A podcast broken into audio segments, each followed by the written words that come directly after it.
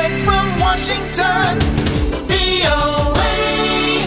Halo apa kabar? Kali ini bersama Dania Iman dari VOA di Washington DC. Aktor Russell Crowe belum lama ini hadir di sebuah acara yang diadakan oleh Walk Free Foundation yang mendukung anti perbudakan. Lewat pidatonya, aktor yang terkenal lewat perannya sebagai budak bernama Maximus dalam film Gladiator menyatakan betapa untungnya menjadi orang-orang yang sukses dalam kehidupan yang bisa mendapat kesempatan untuk maju. Tidak hanya bisa bekerja dan memperoleh penghasilan, tetapi juga bisa makan di restoran, berbelanja atau bahkan pergi liburan. We're here today as privileged people, uh, fortunate to achieve and succeed in life the opportunities we've been given.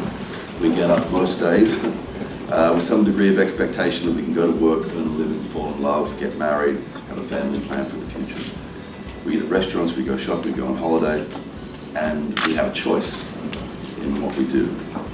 But the majority of us, you know, we get by, we enjoy our lives, and we have a relatively comfortable existence. Namun Russell Crowe menambahkan pada kenyataannya masih banyak orang-orang yang tidak berdaya yang terjebak dalam perbudakan. 45,8 juta orang di berbagai negara masih hidup dalam perbudakan, seperti yang ditulis dalam laporan terbaru yang diluncurkan oleh organisasi Walk Free Foundation ini. However, there are people living in our communities who are stuck, utterly helpless, and trapped in a cycle of despair and degradation with no choice and little hope.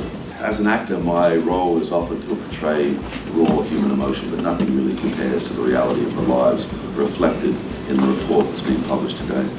45.8 million people living across every single country in the world, bound by slavery. Sebagai seorang aktor, Russell Crowe menambahkan sering kali ia menampilkan emosi dari berbagai karakter manusia, namun hal tersebut sama sekali tidak sebanding dengan kehidupan yang nyata di dunia ini, di mana masih banyak orang yang tidak bisa keluar dari perbudakan. Laporan yang dirilis oleh Walk Free Foundation ini mendata 167 negara dan menghitung jumlah orang yang terkurung dalam berbagai situasi perbudakan, termasuk perbudakan seksual, lalu orang-orang yang terlilit hutang, yang dipaksa bekerja dan dipaksa menikah. Walk Free Foundation mengatakan total angka 45,8 juta orang yang masih terjebak dalam perbudakan ini telah meningkat 10 juta dari perkiraan terakhir pada tahun 2014. Dania Iman melaporkan dari VOA di Washington, D.C.